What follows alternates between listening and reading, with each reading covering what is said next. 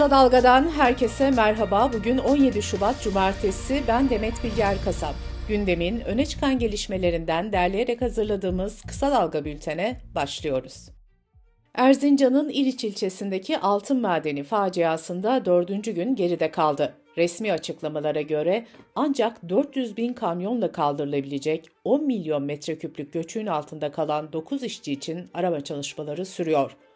10 yıldır Anagol'da çalışan bir maden işçisi, tonlarca toprak siyanür nedeniyle balçıklaşmış durumda.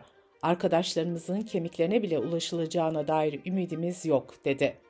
Erzincan Cumhuriyet Başsavcılığı'nın soruşturmasında gözaltına alınan 8 kişi adliyeye sevk edildi. Marmara Denizi'nde Bursa açıklarında batan Batuhan A adlı kargo gemisinin enkazına 24 saat sonra ulaşıldı ancak 6 mürettebattan haber yok. Bu gemi son 3 ayda batan ikinci gemi oldu. CHP Genel Başkan Yardımcısı Yankı Bağcıoğlu ise ömrünü tamamlamış gemilerin kullanıldığı iddiasını gündeme getirdi. Türkiye adım adım yerel seçimlere yaklaşıyor. Ana muhalefet partisi CHP'de adaylardan memnun olmayan ya da aday gösterilemeyenlerin istifa ve eleştirileri devam ederken CHP lideri Özgür Özel'den açıklama geldi.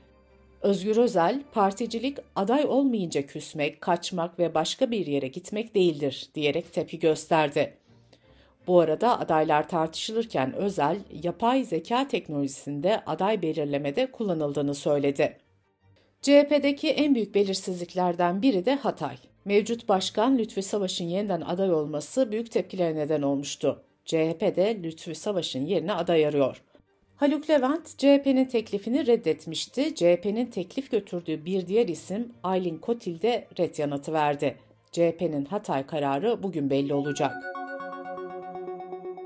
Cumhurbaşkanı Erdoğan 11 büyükelçi ataması yaptı. Eski Beyoğlu Belediye Başkanı Ahmet Misbah Demircan Tunus'a büyükelçi olarak atandı. 9 Eylül Üniversitesi Rektörü Nüket Hotar da Akdeniz için Birlik Türkiye Cumhuriyeti özel temsilciliğine atandı. Radyo ve Televizyon Üst Kurulu Başkan Yardımcısı İbrahim Uslu ayrılma vakti geldi diyerek istifa kararını duyurdu. İbrahim Uslu daha önce kamu aracıyla kayak yapmaya gittiği iddiaları ve Cannes Film Festivali'nden ödül alan Merve Dizdar'la ilgili tebrik edilesi bir yanı yoktur sözleriyle gündeme gelmişti. Türkiye İstatistik Kurumu yaşam memnuniyeti araştırmasının sonuçlarını açıkladı. Mutlu olduğunu söyleyenlerin oranı 2022'ye göre 3 puan artarak %52.7 oldu. Ve araştırmadan bir sonuç daha. Evliler bekarlardan daha mutlu. Mutlu olduğunu belirten evli bireylerin oranı %56.4 iken bekarlarda bu oran %45.8 oldu. Sırada yüzünüzü gülümsetecek bir haber var. Nesli tükenme tehlikesinde olduğu için koruma tedbirleri uygulanan Hatay'daki Gazella gazella türü dağ ceylanlarının sayısı 1387'ye ulaştı. Kısa Dalga Bülten'de sırada ekonomi haberleri var. Cumhurbaşkanı Recep Tayyip Erdoğan emeklinin bayram ikramiyesini %50 artışla 3 bin liraya çıkaracaklarını duyurdu. Erdoğan ordudaki konuşmasında ayrıca şu ifadeleri kullandı. Bizim olmadığımız bir büyükşehir belediyesi kusura bakmayın açık konuşuyorum doğalgazı nasıl getirecek? Biz varsak doğalgaz var, biz yoksak doğalgaz yok.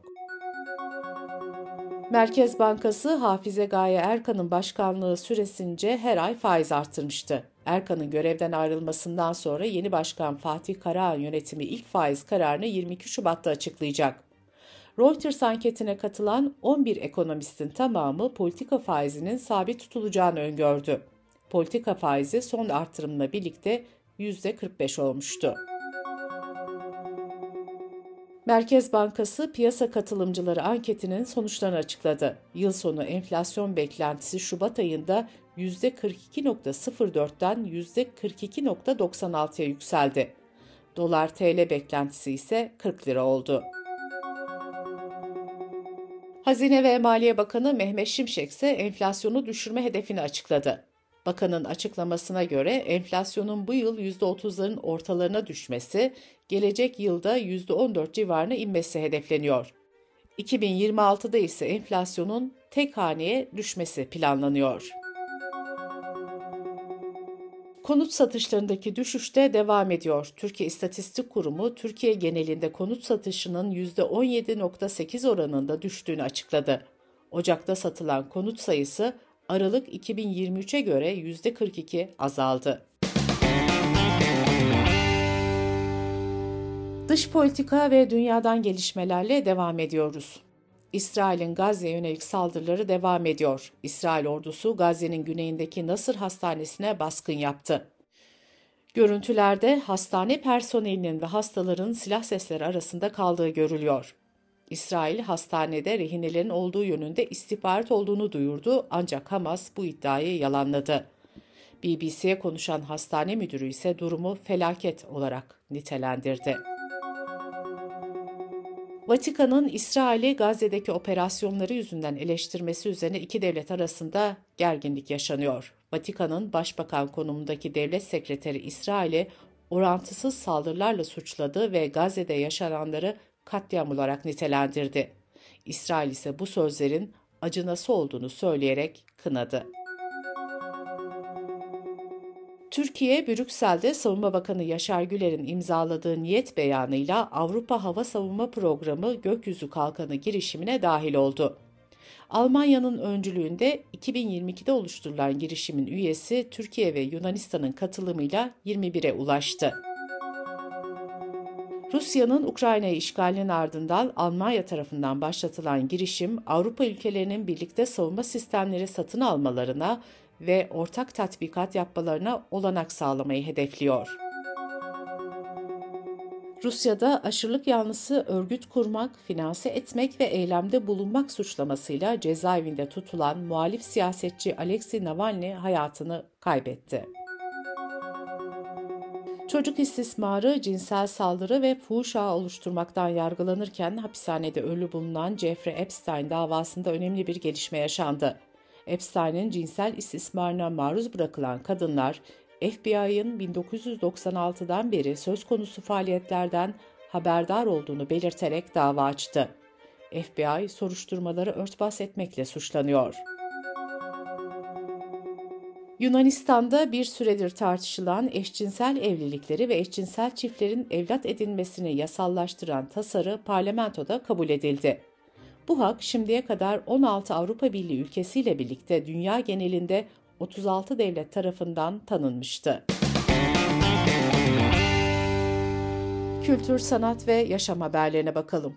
Shakira 7 yıl aradan sonra yeni bir albümle dönüyor.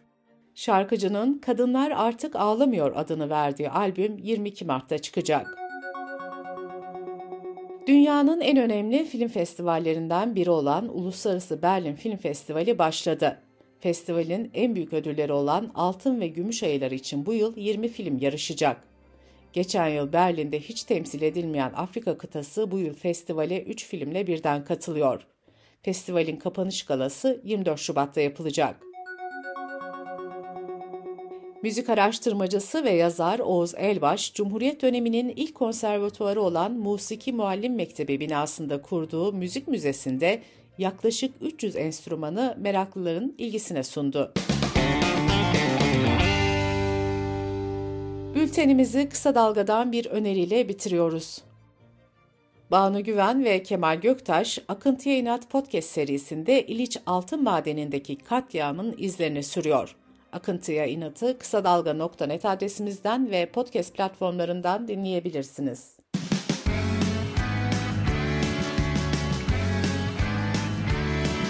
Kulağınız bizde olsun. Kısa Dalga Podcast.